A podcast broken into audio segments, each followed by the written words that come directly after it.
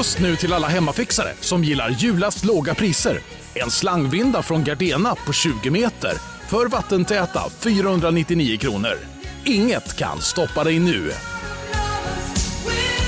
Välkommen till Unionen. Jo, jag undrar hur många semesterdagar jag har som projektanställd och vad gör jag om jag inte får något semestertillägg? Påverkar det inkomstförsäkringen? För jag har blivit varslad, till skillnad från min kollega som ofta kör härskarteknik på möten och dessutom har högre lön trots samma tjänst. Vad gör jag nu? Okej, vi tar det från början. Jobbigt på jobbet. Som medlem i Unionen kan du alltid prata med våra rådgivare. Ja, Hallå? Pizzeria Grandiosa? Jag vill ha en Grandiosa capriciosa och en pepperoni. haha, något mer? Med kaffefilter. Ja, Okej, ses samma. Grandiosa, hela Sveriges hempizza. Den med mycket på. Hej och välkomna allihopa till avsnitt 15 utav Kulturbarnen. Din favoritpodcast av alla podcasts. Stämmer Yes. inte det så säg Ida Thyrén. Det är i alla fall min favoritpodcast. No question. Ah, lätt. Och hur är läget med dig Pontus de Wolf? Jo tack, det är bra. Jag är tillbaka på Gotland och ska eh, musta äpplen här i min lilla trädgård. Ja, det känns mycket bra. Hård, hårda veckor jobbade jag och nu ska jag hård, jobba hårt fast med kroppen och själen istället. Det blir Cottagecore, känt från podden. Verkligen. Själv har jag varit på någon slags konstodyssé i helgen. Hmm. Eh, Jag såg Linette Jardombiacis utställning på Moderna Museet i Stockholm. Fantastiskt måleri alltså. Gud, Oj. spring dit eh, sista helgen nu i helgen.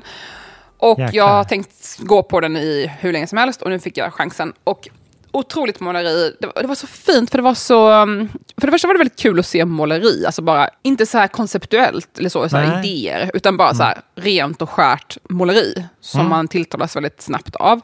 Eller väldigt direkt av liksom. Och väldigt kul, jag gillar verkligen, jag kollade lite på årtalen för att hon är ju bara i 40-årsåldern så hon är fortfarande väldigt ung i dessa mått mätna. Och Ja, har då en verkligen. jättestor soloutställning på Moderna Museet, vilket är ganska omfattande. Och också varit på Tate, haft stor utställning där, så hon har verkligen haft jättestor framgång. Hon är själv född i Storbritannien, men hennes föräldrar kommer från Ghana. Och det är nästan bara porträtt i, i utställningen. Ehm, och det har också varit en del av hennes uttryck, att hon har blivit som en, en förgrundsgestalt i någon slags svart renässans mm, av måleri på det sättet. Ah. Och det var så otroligt snyggt och det var så kul när jag följde årtalen då, för då kan man ju kolla lite så här, "Jaha, det här var från förra året, det här var från förra, förra året, det var för 20 år sedan, i och med att det är så pass nytt allting. Och jag tyckte verkligen om vad hon var på väg. Jag, jag, jag såg liksom, hon utvecklades i en riktning som var mer och mer experimentell, uppfattade jag det. Och jag gillar verkligen vad hon var på väg. Så jag är supernyfiken vad hon kommer ta vägen när- närmsta 20-30 åren i sin Ah, karriär. vad härligt. Ja, det var så härligt att bara se bra måleri. Alltså jag blev så upplyft och glad. och överhuvudtaget, alltså jag, jag, jag vet inte vad det är. Det är som att ju äldre jag blir, desto mer uppskattar jag konst. Och verkligen nju, jag mår bra av att se på konst. Ja. Jag såg att de hade, mm, i, nere i, tror det var Belgien, så skulle de skriva ut konst på recept till folk som inte, som inte blir deprimerade eller sådär. Något sånt där. Och jag kan verkligen förstå det där. Så jag, bara- jag bara blir så här uppfylld och glad. Och, ja, Kultur, we love, vi älskar skiten. Vad säger Ja, du men det är Pontus? väldigt bra. Ja, men det är roligt att ha någon som är sådär en färsk konstnär som man har liksom en framtidsförhoppning i. Någon som är sådär ung som man blir peppad att följa. Ehm, jag tog med några böcker till Gotland som jag tänkte läsa. Eh, en liten hög, bland annat eh, Brev till mannen, där Bianca Kronlöf. Har du hört talas om den? Ja. Ja, jag är lite bekant med henne sen mina klubbdagar. Hon brukade vara där på min klubb. Hon kanske träffade män där som hon skriver om nu. Den här ska vara jättebra. Hon skrev ett brev till Soran över Instagram tidigare i höstas som var kanon. Så den, Just det. En annan stammis på min klubb kan jag säga. Så att, eh, ja, perfekt. världarna möts. Ja. Sen har jag köpt eh, Tove Ditlevsen, hon som författarinnan till Gift. Hon är danska. Eh, väldigt så här, självdestruktiv historia om att vara gift. Hon sticker från sin man med en annan man och så är det destruktivt och knark och så här. Och det här är eh, böckerna Barndom och ungdom sammanslagna som släpps nu. Eh, så vi som inte fick nog av Gift kan nu grotta ner oss i hennes eh, tidigare, de första två delarna i hennes liksom ungdomstrilogi. Så det är, också, det är inte memoarer, utan det är också romaner. Ja, precis. Självbiografisk romantrilogi. Så, så definieras det. Den har funnits översatt tidigare men eh, inte funnits i tryck på ett tag. Liksom. Eh, så den ser jag jättemycket fram till. Och som tredje bok så köpte jag Trion av Johanna Hedman. Ah, äntligen! Ja, eh, ruggigt omtalad mest för sina liksom shady recensioner känns det som. Eh, men det är ingenting som vi ska ge mer tid åt här. Det tror jag andra Nej. kulturpoddar och eh, publikationer har eh, tagit hand om. Men eh, jag, vill, ju- jag påminns ju om det att en debutant, det investerar man ju i för eh, att ha en förhoppning om dess framtid. Alltså, eh, det är väldigt dum idé att såga en debut skulle jag säga. För att det är liksom de kommande tio böckerna som ska bli bättre och bättre och bättre.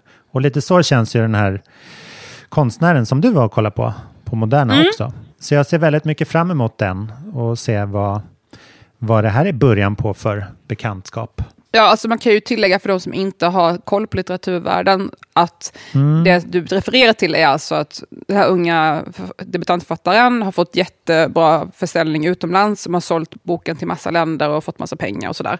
Och så Just kommer det det. massa recensioner i svenska tidningar som egentligen bara handlar om att "Eh, hon blev så hypad utomlands, den här boken är inte så bra som man kan tro. Eh, Och Ja. förhåller sig till någon slags hype som inte ens har hänt eh, på, av läsarna, utan är bara liksom en ekonomisk hype som de förhåller sig till. Precis. Kan man säga. Jag tror Är liksom att, att den här hypen existerade kanske i PMet som de här recensenterna läste. Och det, det var ett misstag Ja. att ta upp det där då kanske. Men, De blir eh, provocerade av pressmeddelandet. Liksom. Mm. Exakt. Men vi får se om de hämtar sig de här recensenterna. De har ju liksom recenserats lika hårt som sitt eget recensionsobjekt, känns det som. Eh, det finns nog hopp för dem också. Eh, det här drar mig till minnet också, alltså det kan ju gå fel också. Jag, jag eh, märkte idag att det är tio år sedan Azealia Banks släppte sin låt Two on Two. Mitt Åh, liksom klubb-anthem. Azealia Banks och eh, Lazy J. Den här, ja vad är det? Det är väl ett, är det en, en så New York-nattbuss eller distrikt eller någonting? Det är väl en, ett område tror jag. Mm. Two and two. Jag tror det är postkod. Just det. Ja. Nej, men det är otrolig låt, otrolig video och den här låten ingöt så otroligt mycket hopp i mig. Jag bara kände, så här låter framtiden, det är det här vi ska ha musik till, nu kör vi. Ja. Sen kom det ju inte så mycket bra musik från henne efter det. Så att skenet kan ju bedra också. Just det, man får den där hypen. Alltså det är farligt med hype överhuvudtaget. Det, det, är, Mm. det, är förä, det är förrädligt för att då blir det också, när någonting är hypat blir det också ute igen. Mm. Därför tycker jag det är skönt att jag inte har blivit så hypad i mina dagar. Jag har bara fått lite så här, liten touch av hype, men aldrig riktig hype. Så jag har aldrig kunnat bli, alltså, bli besviken på det sättet. Man blir så här halvaktuell hela tiden istället för att Ja. pika och sen dippa. Så man får hålla det lite halv... eh, Ja, någonstans där i mitten. Hypen måste ske kanske. kring liksom bok nummer fem. Ja, exakt. jag hoppas på det. Det är mitt Ja. mål. Nej, inte mål. Jag ska inte säga för mycket.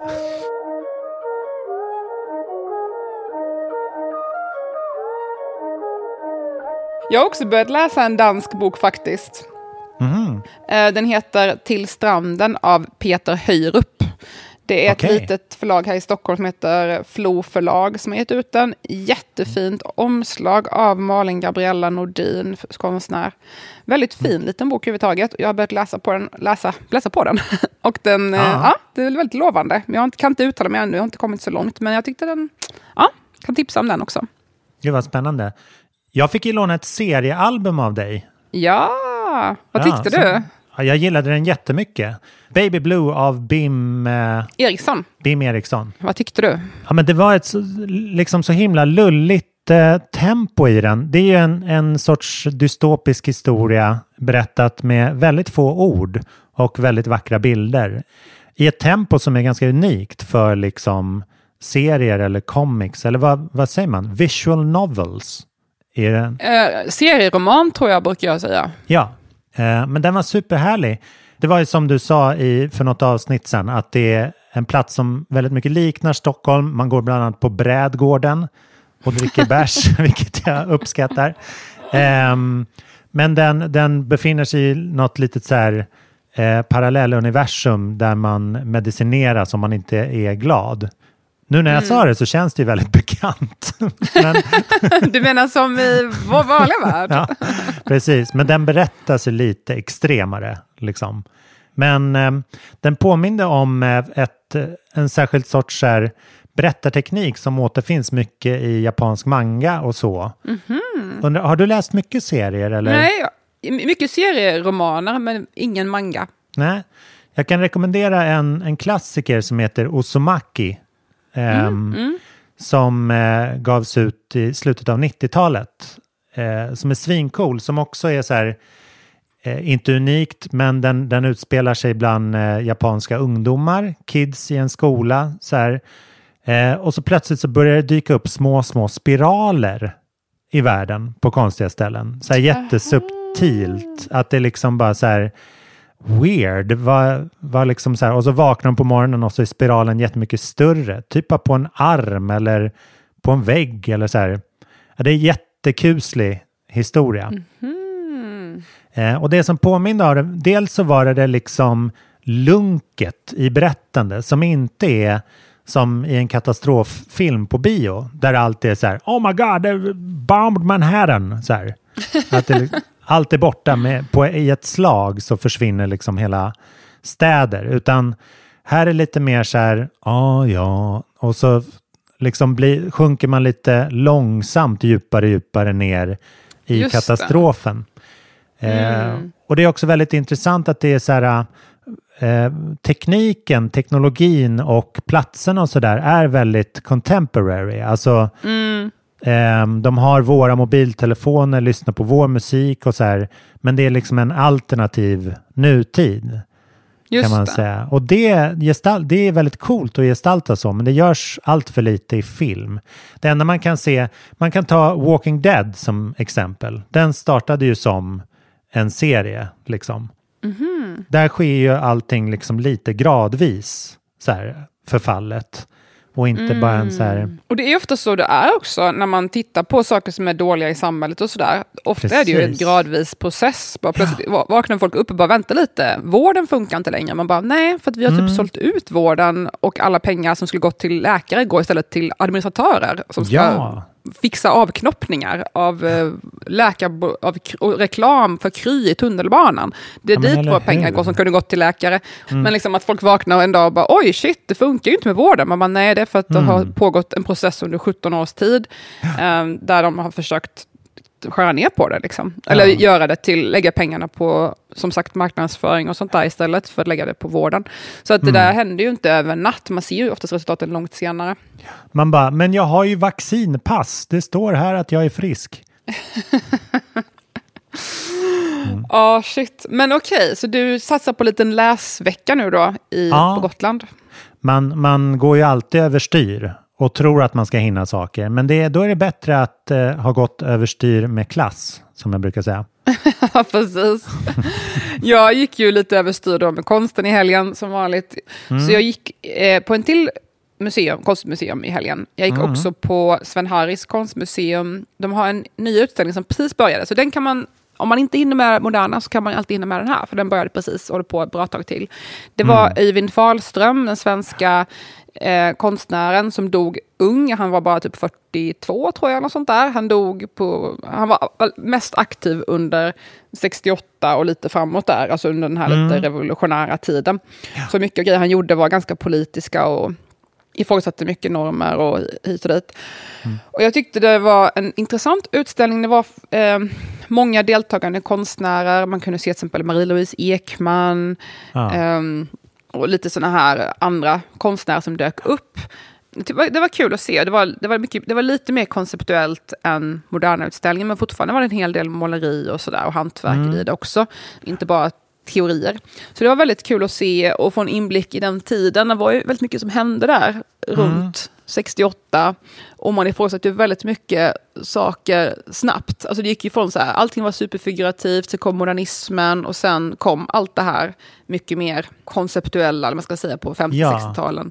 Så att det var ju en annan, och nu börjar, kanske först nu börjar vi repa oss lite grann och återvända till måleriet och det här lite mer figurativa. Ehm, Det, det säger de ju på Konsthögskolan och sådär, har de ju märkt det, att det är först på, på sista året, eller åren, alltså verkligen sista åren, så här två, tre åren som man börjar märka ett nytt intresse för verkligen måleri bland eleverna, som jag förstått Ja. det, från vad jag tolkat det. Eh, från att all, förut var alla, skulle alla göra konceptuella grejer och teorier och sådär, men nu är det lite mer återgång till det här traditionella måleriet. Ja. Så det ska bli kul att se vad, det är så full circle nu, vi är tillbaka runt 1910 igen. Liksom. Ja, men exakt. Det är, liksom, det är som att vi vill tillbaka till någonting vackert istället för Ja. att det liksom överanalytiska. Jag skrev en artikel för tidningen Konstnären som är Konstnärens riksorganisations eh, medlemstidning. Så om man är konstnär och är med i deras fackförbund så får man den här tidningen. Och det är en av få tidningar i Sverige som handlar om konst eller konstnärer på det sättet. Ehm, och jag har skrivit för dem i säkert tio år regelbundet. Det kommer, tror jag, fyra nummer per år, tror jag. Och jag har gått igenom flera olika chefredaktörer som har kontaktat mig och så blir det nästa chefredaktör och så skriver jag för den. Och så, ja. Ja. Nu har de fått en ny chefredaktör igen för ungefär ett halvår sedan. Robert Stasinski, som själv också är konstnär. Och han kontaktade mig när han fick det här jobbet och skrev att hej, vill jag inte skriva för oss en text? Och det var så himla kul. Jag blev så glad för att han verkligen fattade mig. Det är så kul när man jobbar med en redaktör som känner till mig och vad jag är bra på.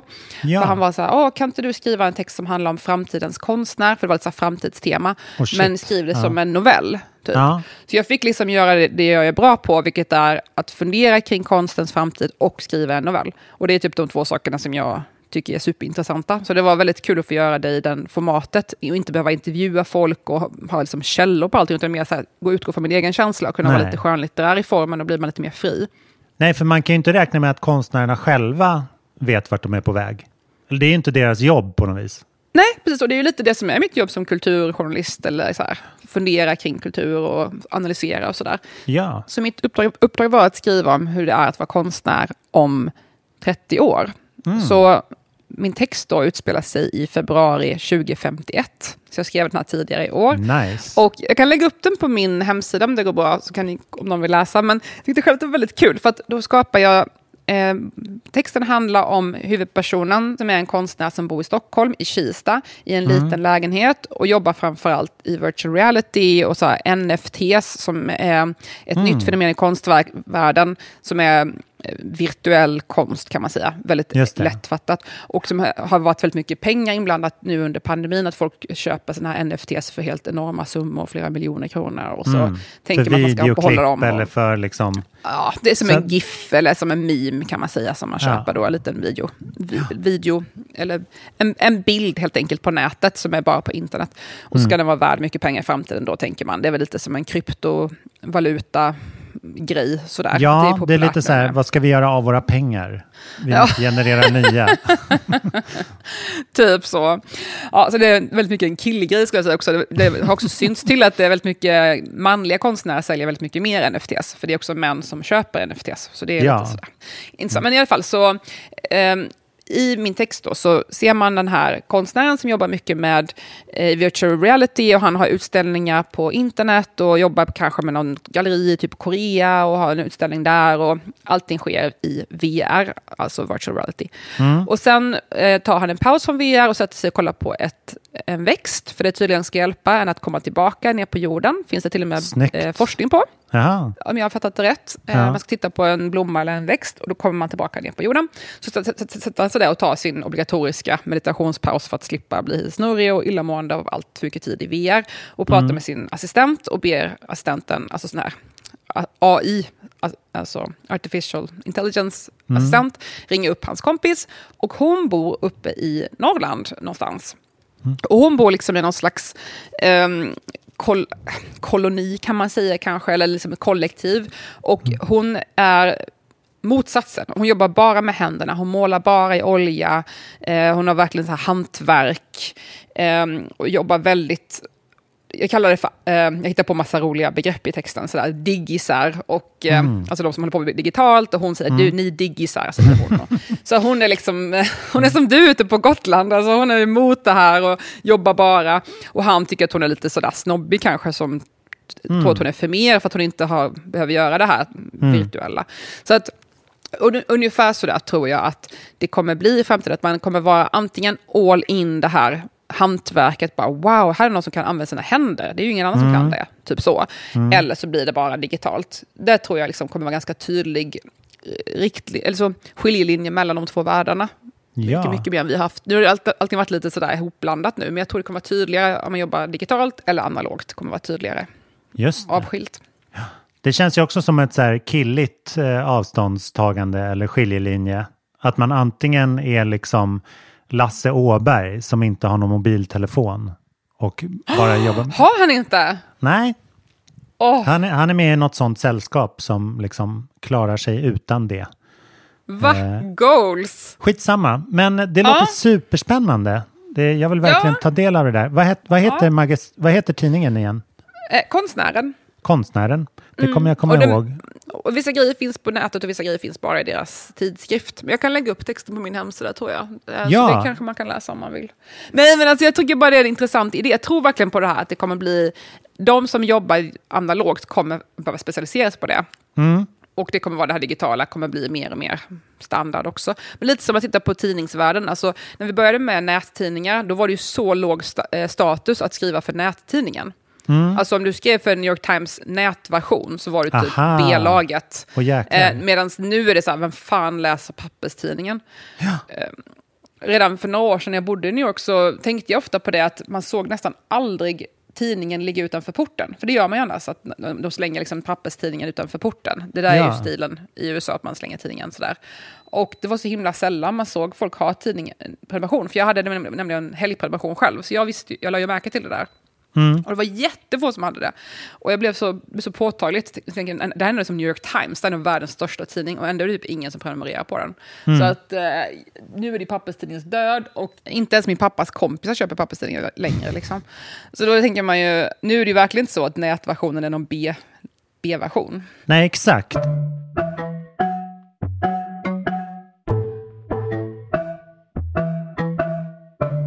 Men jag tänkte på det när du sa att, eh, att färg gör sitt återtåg i, eh, inom konsten.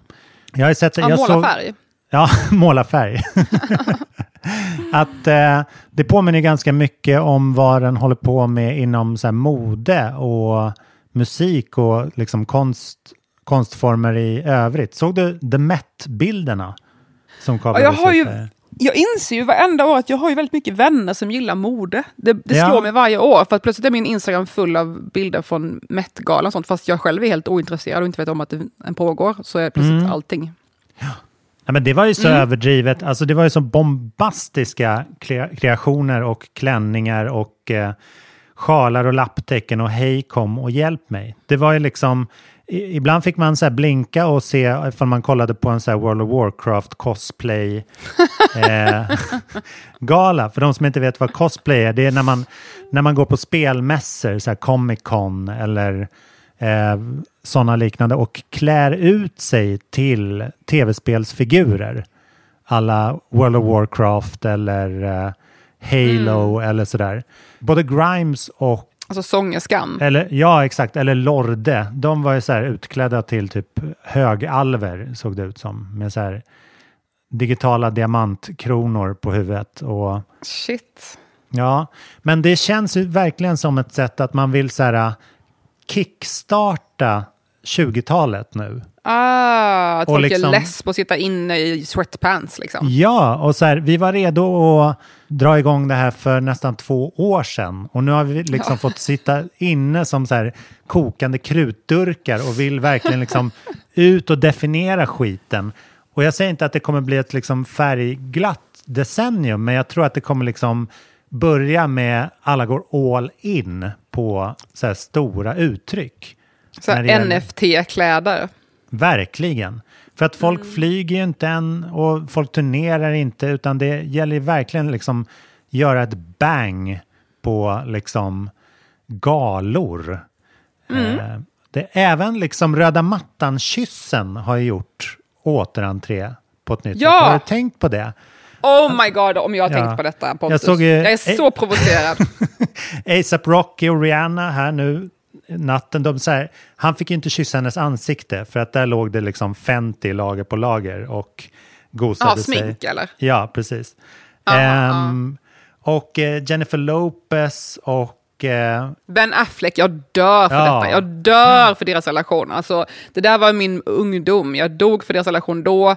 Snyggaste paret någonsin. Och nu är de ihop igen. Alltså det, där, det är Ja. samma som lågt skurna byxans återkomst. Äntligen har vi Ben Affleck och J Los återkomst. Det är Ja. samma timeline alltså. Ja, och Oscar Isaac och hans motspelerska i senaste filmen, oj oj oj. De bara kladdar på varandra, höger Men jag har ju och de- vänster. Jag tyckte det var de värsta exemplen var ju Megan Fox och vad han nu heter, Machine Gun Kelly. Som är någon, Ah. Fast det här var kanske på VMAs, det här var inte på Met, det här var på Video Music Awards. Eller jag, jag vet inte fan vilket. Mm. Ja, folk bara lägger upp massa bilder. Ja, det var också sådär. Och även hon, Kourtney Kardashian, och hon är ihop med någon annan rappare eller någonting som ser likadan Mm. ut. Och grejen är, jag tycker att jag har tolkningsföreträde i det här. För att jag är också, Mm. precis som Kourtney Kardashian och Megan Fox, ingen annan jämförelse, är jag också en 35-årig någonting kvinna Mm. som har ba- små barn och en yngre pojkvän med tatueringar. Exakt. Alltså har jag tolkningsföreträde, så kallat TF. Och jag Mm. måste med det här i åtanke säga, fy fan skärp er, det här är så jävla pinsamt. De Mm. står typ halvnakna och slickar på de här unga männen som är så jävla äckliga. Alltså de ser ut som att de har influensan. Mm. De här pojkvännerna, de ser så äckliga ut. Förlåt, alltså ni som älskar Machine Gun Kelly och vad den här andra killen heter. Alltså, de, de är så här, liksom, de ser ut som att, det var en kompis till mig som kommenterade så himla klockrent, att det ser ut som att de är, äh, fått, äh, fått komma hem från någon sån här ungdomsbehandlingshem eller någonting. Alltså, ja. de, de, de är som tatuerade och s- att se trötta ut eller stenade eller jag vet inte, Mm. men det ser ut som att de har influensan. Och de bara står där och slickar på varandra. Så här, äh.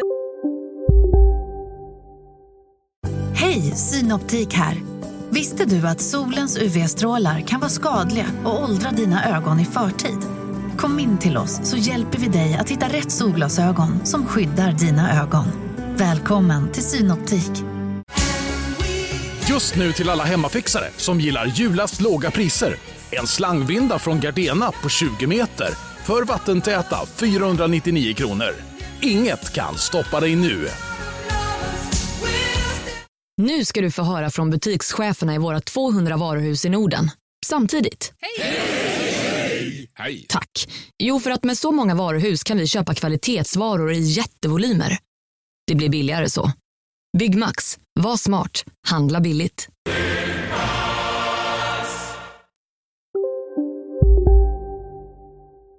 alltså tungan så här ut ur käften, liksom Mm. på röda mattan och de har typ inga kläder på sig, så här, genomskinliga klänningar. Man bara, åh vad provocerande och eh, coolt statement Ja. att ni ska Även vara nakna. Även Nicole Kidmans hunk gjorde ju något liknande, liksom sörplade i sig en Aha. örsnibb. Men, jag, ja, bara Mm. jag känner mig bara så här liksom violated. Jag känner mig, jag vill inte se det här. Det här är någon slags blottarstil. Typ, vill ni Mm. Ja. ha sex med varandra, gör det. Jag vill inte se det här. Jag vill, jag vill liksom... Jag tycker det är lite eh, in your face. Alltså, Mm. ge folk... Var nakna och hångla om ni vill, men måste ni göra det när jag tittar? Alltså. Men det måste ju vara att de inte tror på sin egen konst längre. För det här är ju liksom Hänt Extra.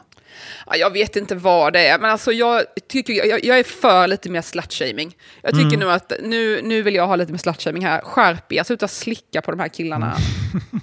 Nej. De Det vill var inte allt jag att säga om det. Ja. Jag måste få keep my own people in line. Mm. Alltså jag måste typ få snacka med mitt eget folk här känner jag. Jag skulle Ja, inte ja. kritisera om det var typ någon annan folkgrupp. Men det här är ändå mitt folk. 35-åriga kvinnor med... Nej, skärp er.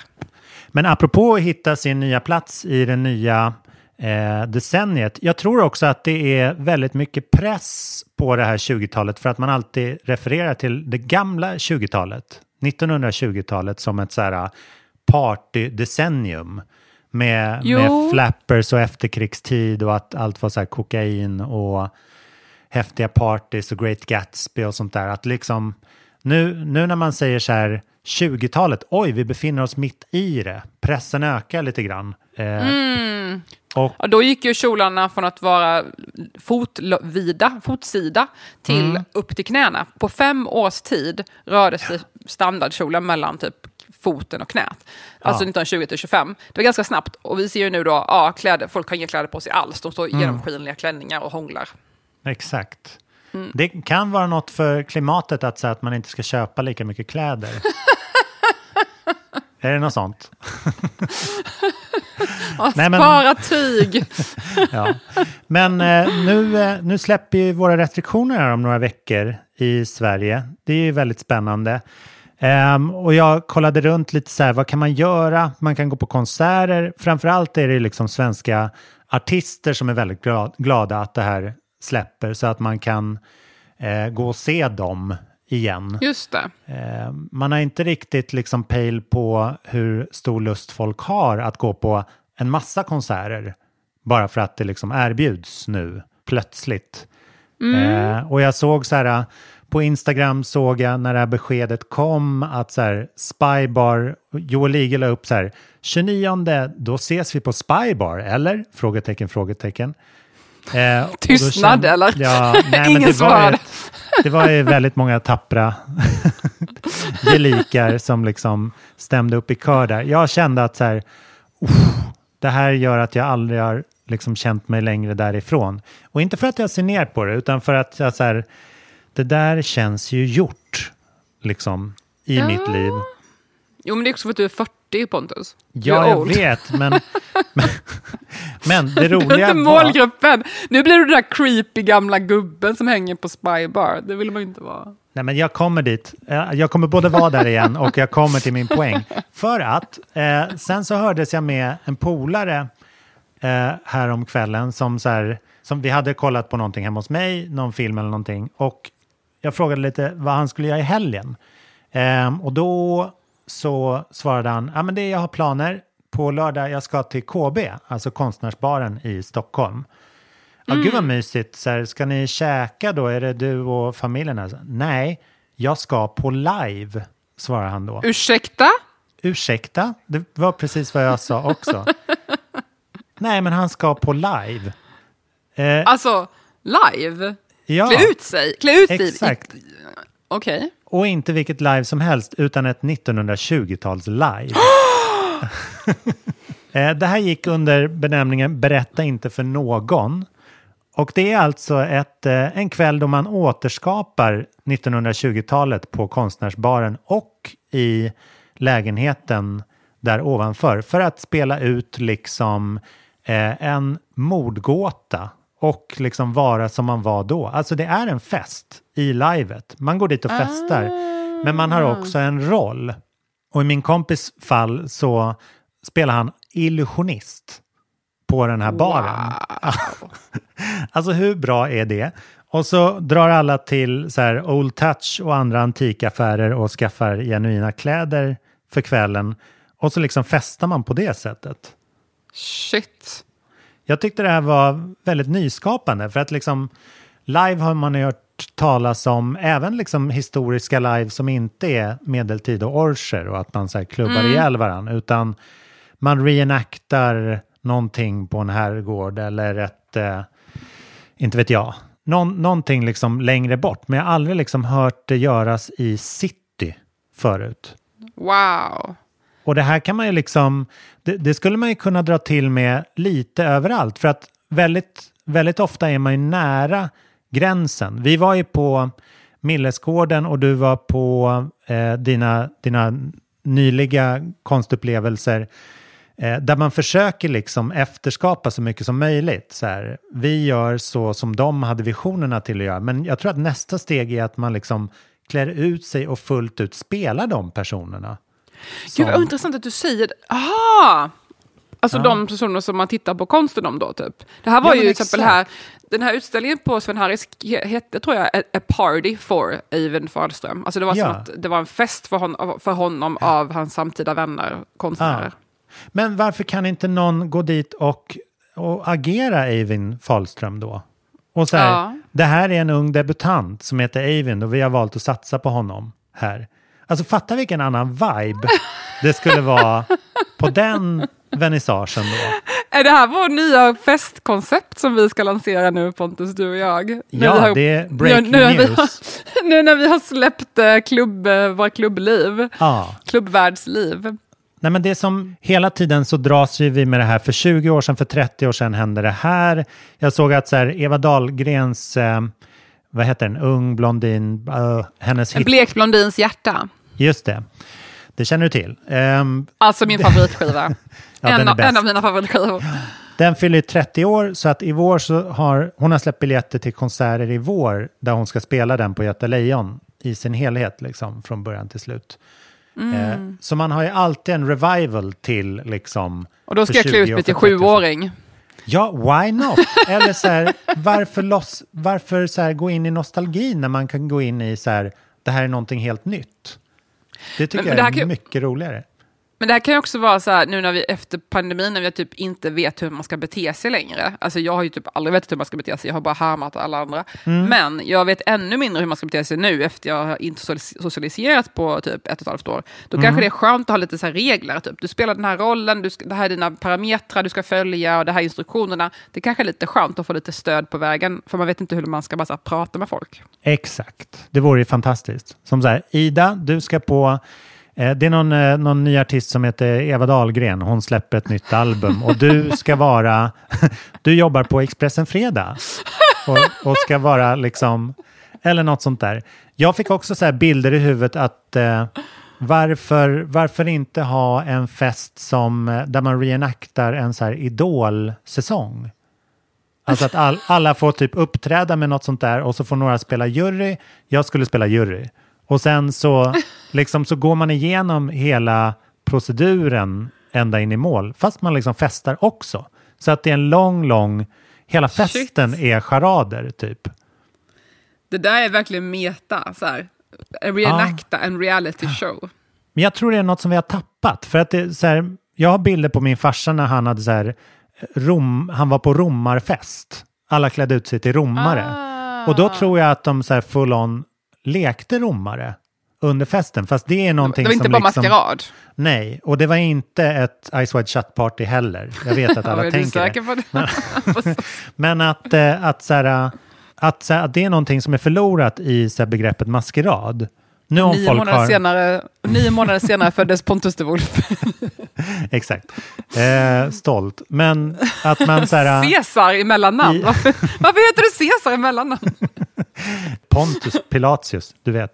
Men, eh, eh, nej men att så här, i, i begreppet maskerad så tror jag att det finns ett så här reenactande som är lite förlorat. För om, om jag blir bjuden på maskerad, då tar jag på mig en rolig kostym och så är jag Pontus på den festen, fast i rolig kostym.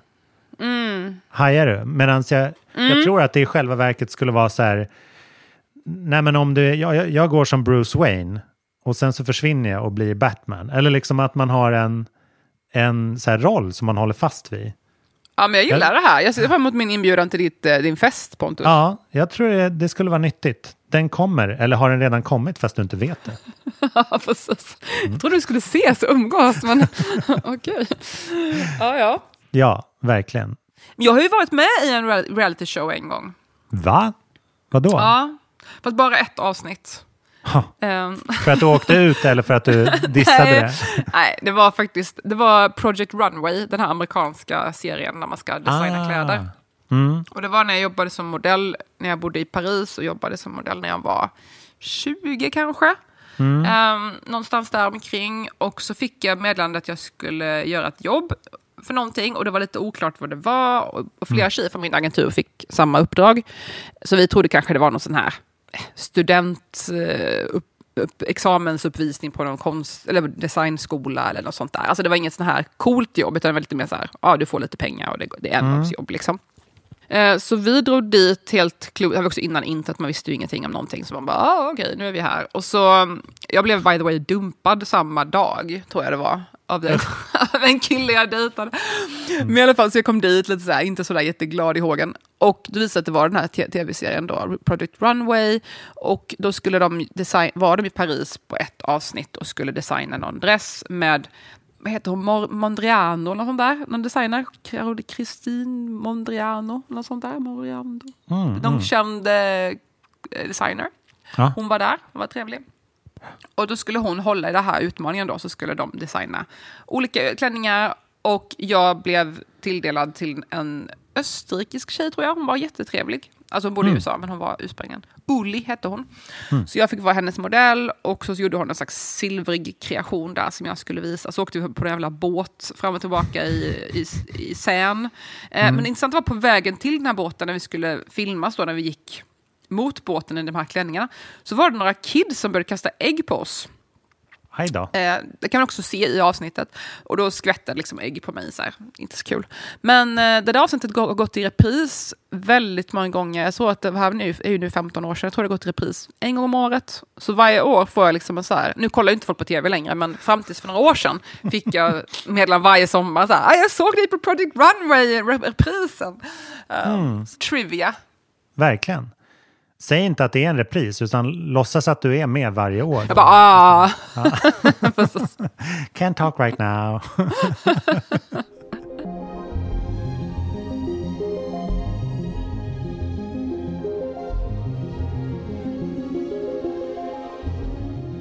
Någonting som jag ser fram emot annars, det är ju eh, dagens musikartist. Ja! som vi får eh, premiära här lite grann. Så himla kul alltså. Ja, det här är artisten Loon eh, som släpper sin platta Play Human imorgon fredag. Så himla tung person. Alltså, jag måste bara rava lite hur mycket jag älskar henne. Mm. Det, hon heter ju Linnea egentligen. Och vi har känt varandra säkert i alla fall tio år. Hon har spelat på min klubb och sådär. Hon brukade ha en klubb ihop med Siri Hjorton Wagner som hette Scorpio Rising tror jag. Eller sånt där. Någonting med Scorpio. Um, Och, då, och alltså, jag älskar Linnea för hon har, hon har jobbat så jäkla hårt. Så jag är så taggad på den här skivan. Jag hoppas att det blir så här jättestor, bara wow.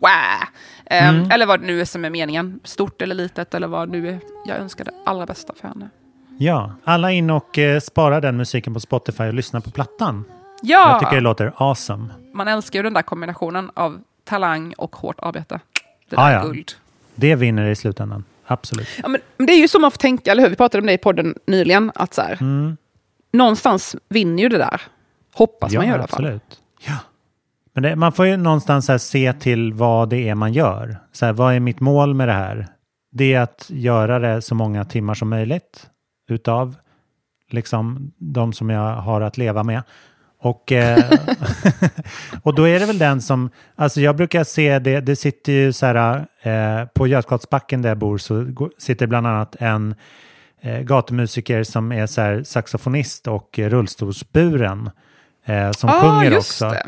Som Mm. man är så här, man hajar till lite på det uttrycket för att det är liksom, det, det kan vara ganska, ganska slicka, ganska udda coverval, liksom lite dansbana-aktigt. Mm. Ehm, men, men sen så tänker man ändå att så här, ja, men han sitter där vadå, fem timmar om dagen och gör sin grej.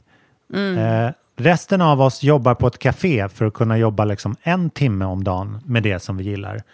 Mm. Och, och då får man ju, alltså jag blir full av respekt av sådana som bara gör mycket.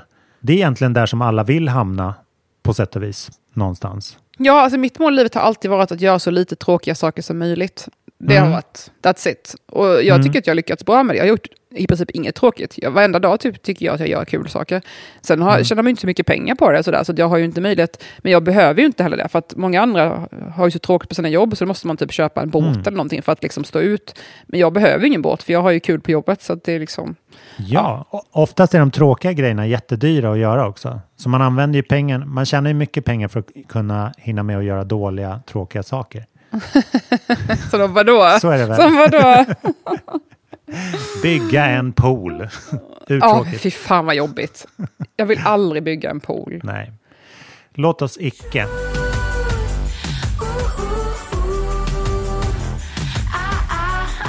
Men eh, vad händer i veckan och helgen då? Ska du till några städer? Till några städer. Du brukar cruisa runt Uppsala, Göteborg. ja, precis. Du avslöjade mig. Faktum är att jag var faktiskt i Uppsala. Inte den här helgen, men förra helgen. Eh, jag, vakna, jag har försökt nu nästan varenda vecka med min kille. Jag bara, eh, kan inte vi åka till Uppsala? Eh, jag har blivit besatt av Uppsala. Och han bara, va? Nej, jag vill inte åka till Uppsala. Och sen försökte jag då förra veckan. Jag bara vaknade så här, typ klockan elva eller någonting, sov gott. Liksom. Jag bara, kan vi ta ett till Uppsala? Han bara, okej. Jag bara, va? Sa du ja? Sa du ja? Han bara, okej. Jag bara, "Åh!" Så vi bara, okej, jag slänger på mig kläderna. Vi sätter oss på tåget, drar till Uppsala, käkar på Golden China, favorit, min favoritrestaurang. Så vi åkte till Uppsala för, bara för att äta på Golden China. Och så passade vi på att promenera runt lite sådär. Så att, eh, det var väldigt nice. Och Jag, jag vet inte, jag älskar Uppsala. Och då sa Mm. jag till, min- kille, jag bara, men varför, tror, varför älskar jag Uppsala så mycket? Vad är liksom min sjuka besatthet för den här stan? Mm. Och då sa han något väldigt träffsäkert då, i och med att han känner mig väl, uppenbarligen. Och det var ju att eh, det är ju som en storstad, Mm. Fast det är inte det här stressen och mycket intryck. Jag är ju väldigt högkänslig person. Jag blir väldigt stressad när det är mycket intryck. Mm, mm. Eh, Jag kan tycka det är väldigt stressigt i Stockholm. Eh, Men jag blir understimulerad i en småstad å andra sidan, för jag vill ändå ha lite så här kultur och sådär.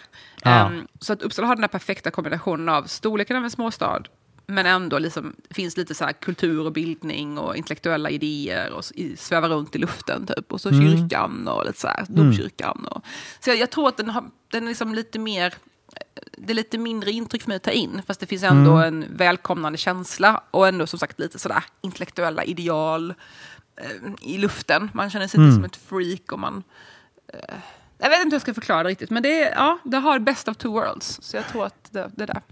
Intressant när de kom dit för första gången bara, här är nice feng shui. Domkyrkan ska ligga där. Här liksom, vi bygger kring den här, här bygger vi en kanal. Eller det kanske är en naturlig å, inte vet jag. Men jag tror verkligen att det är så här, mm, här är nice. Det har jag lärt mig av, vi, vi bor nära ganska många fornlämningar, så här 5000 år gamla byar. Som är helt bisarrt, att det ligger så här kvar såna här gravbåtar eller gravar som är formade som båtar av stenar. Eh, det finns liksom kvar intakt och en vikingahamn där de liksom knuffar ut. Och då, ofta så har de ju byggt så här, åh gud vad vackert det är, tänker man när man går där. Men då har de ju såklart så här, här är nice, här bygger vi. Ja. Liksom. Det konceptet har ju funkat i så här 10 000 år. Ja, Men vi har ju någon slags inbyggd känsla för vad skönhet är. Skönhet är ju någonstans harmoni. Mm. Vad är skönhet? Mm. Skönhet är harmoni, skönhet är balans, skönhet är Mm. hälsa. Och när man känner de där sakerna, här är det friskt, här är det balanserat, här är det harmoniskt, ja men då mår Mm. man ju bra. Och då är det ju oftast också att naturen mår bra, eller att Mm. människan mår bra. En vacker människa, på det sättet att vacker, alltså som i hälsosam, Mm. eh, mår ju oftast bra. S- Sen kan man ju vara vacker på andra sätt också, men om man plockar ner det till sin minsta substans, beståndsdel så är det ju någon sorts balans det handlar om och harmoni. Mm. Och då är det ofta tecken på att det här är en frodig mark som säkert har lite blandat ekosystem och sådär. Mm. Vi har också, jag, här i Värnamo, jag befinner mig då i Värnamo nu, och eh, vi bor också nära en massa fornlämningar, fast de visste inte det förrän för något år sedan, för då skulle de bygga en ny skola här precis bredvid där jag har Oj. växt upp hela mitt liv. Ja. Bara en hundra meter bort liksom. Och så började de gräva så de, shit, här har vi ju jättestora vikingagravar. De här kullarna var ju inte kullar, de var ju liksom gravar. Ah. Så att då fick de planera om hela bygget här nu, så det ska bli kul att se vad de hittar på. Det där är så jävla roligt. Det är så tätt med vikingafornlämningar på Gotland. Och även liksom Mm. järnålder, stenålder och så här. Så här är det förbjudet att ha en metalldetektor. liksom. Va? ja, för att då kan man så här, sabba för nybyggen. Alltså man kan i princip så här, kräva att de ska slita upp varenda jävla väg här. För att det liksom ligger någon Asterix en- och Obelix under. Shit. Det var ju en tjej här precis, precis, här i Värnamo, eller utanför Värnamo, som hittade det här gamla svärdet som var typ så här, ett av världens äldsta svärd i en sjö. Perfekt. En, alltså typ en ung ett barn, alltså hon hittade. Det är ändå fe- fet grej att hitta på sommarlovet. Ett, Ah. eh, det där är ändå en, en, en saga. Det låter som Ja. en saga. Med. Nej, men du frågar mig vad jag ska göra i helgen. Jag ska vara i Stockholm och gå på, bland annat ska jag gå på Market, eh, konstmässan. Ja. Eh, det är ju väldigt mycket olika konstmässor så här års. Eh, det har varit många ko- konstmässor, till exempel i New York. Eh, och det är ju, vad är en konstmässa kanske folk frågar sig som aldrig har varit på en konstmässa. Och det är ju i princip att konstgallerier samlas i en större lokal och visar upp sina konstnärer, eller en, en eller flera konstnärer, och säljer dem. Så det är ju en kommersiell grej i grund och botten, men det är också kul för oss vanliga dödliga att se vad det är. För man får ju lite utsnitt av modern aktuell konst. Det är ju Mm. verkligen så här, det som händer nu. Det är ju verk som säljs nu av gallerierna. Det är ju inte folk som har gått vidare till auktionshus eller så, utan det är ju direkt. Så det är ju Precis. väldigt modernt allting. Så man får ju en känsla för vad som pågår i konstvärlden. Så jag tycker det ska vara kul att gå på det här Market i helgen. De har också en del samtal under Market och på söndag ska det vara ett samtal som, heter, som handlar om avkolonisering av eh, monument eller av statyer och sånt där i Mm. stadsbilden. Och en, en konversation om kolonialismen i det. Alltså hur kan vi se på monument och sådär på ett annat sätt. Så det ska jag lyssna på eh, på Gud söndag. Så det finns lite sådana här, om man googlar finns det lite, det, är Stockholms konstvecka den här veckan. Ja. Pågår hela veckan. Det där är Ehm, ett relativt nytt initiativ. För tidigare fanns det ute på Älvsjö och Sollentuna-mässan sådär att, att liksom galleristerna hyrde varsin monter. Men när det sker inne i stan på de, liksom, eh, de ursprungliga platserna, museer och gallerier sådär, så sker, händer det ju någonting annat. Ja, Det blir just- jäkligt jo- mycket coolare. verkligen. Och i år så är Market på Liljevalchs. Så det är ju verkligen Mm. mitt i stan. Alltså konstmuseet, vad man ska säga. Så det är ju eh, Market, så är det hela veckan är det Stockholm Art Week. Då är det en massa olika event på, på gallerier, på museum. Så man kan kolla på internet, stockholmartweek.se. Mm. Eller kom. Eh, då det är finns det helt massa grymt. Grejer. Så det kan man passa på om man vill få lite inblick i modern konst. Och jag dör ju för konst! Det är det, one day it shall be true.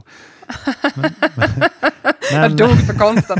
Nej, jag, vet inte, alltså jag fattar inte, om ni som lyssnar, om ni fattar, varför älskar jag konst mer för varje år? Jag tycker allt känns meningslöst. Alltså saker Ja. känns mer och mer meningslösa, men konst känns mer och mer meningsfullt. jag vet inte, det jordar dig på något vis kanske. Det är, som, ja, det är det enda som, allt annat är så flyktigt, men det är det enda som liksom Mm. består. Sådär. Mm, Jag vet inte. fint. Och by the way, tack för att ni lyssnar på vår podcast och prenumererar på vår podcast och även tipsa era vänner. Ah, det älskar vi er för. så glad. Varenda person, varenda liten ny lyssnare. Vi har inte så många lyssnare. Vi har några hundra. Ja, nu börjar vi närma oss 500-600 kanske. Men Ja, det är ju liksom, varenda person räknas. Ni är viktiga. Och jag tycker att det, vi håller ett, ett schysst samtalstempo. Ändå är det folk som lyssnar en och en halv och två gånger eh, hastigheten på de gamla avsnitten. Det tycker jag är beundransvärt. jag menar, jag trodde vi pratade fort som det var. Men det är schysst. Vi ger dem en utmaning. Det är Scatman-John. Eh, Jag är jätte... Jag, jag, jag blir faktiskt väldigt glad när du säger det här. Jag visste inte det, men det gör mig väldigt glad för att jag har ju lite komplex för att jag pratar för fort. Så att Mm. om nu folk kan höra vad jag säger i ytterligare hastighet, det, då har jag ju lyckats att hålla nere mitt tempo. Väldigt artikulerande i alla fall i all din snabbhet. Shit, jag blir faktiskt väldigt glad. Tack! Tack till Grymt. er som lyssnar i ökad hastighet. Ni är bäst. Eh, ja men eh, ha det så roligt hörru. Och eh, jag håller ställningarna här så kommer jag hem med några tetra, eller vad heter det, bag-in-boxar med äppel och päronmust som vi får fästa upp. Och så lajvar vi lite um, Äppelkriget eller något sånt annat gott. Ja, nej men alltså jag kommer plocka äpplena på 1930-talet. Och sen så dricker jag upp dem nu. Ta på dig dina äppelknyckarbyxor och kör. Inga konstigheter. Det har jag en Alright. garderob full med. Perfekt, då ses vi nästa vecka. Ja, grymt. Ha det kul så länge. Hej då! Bra. Hej då! Making our own Babylon, living like gods. We go on into the night. Let's play.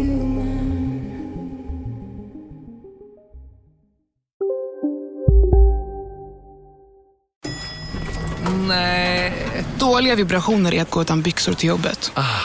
Bra vibrationer är när du inser att mobilen är i bröstfickan. Få bra vibrationer med Vimla.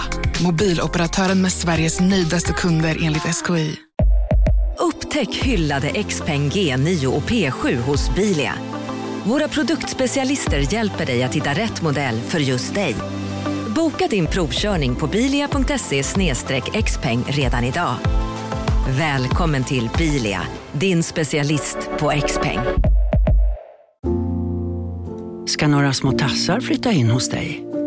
Hos Trygg Hansa får din valp eller kattunge 25% rabatt på försäkringen första året. Läs mer och teckna djurförsäkringen på trygghansa.se. Trygg Hansa, trygghet för livet.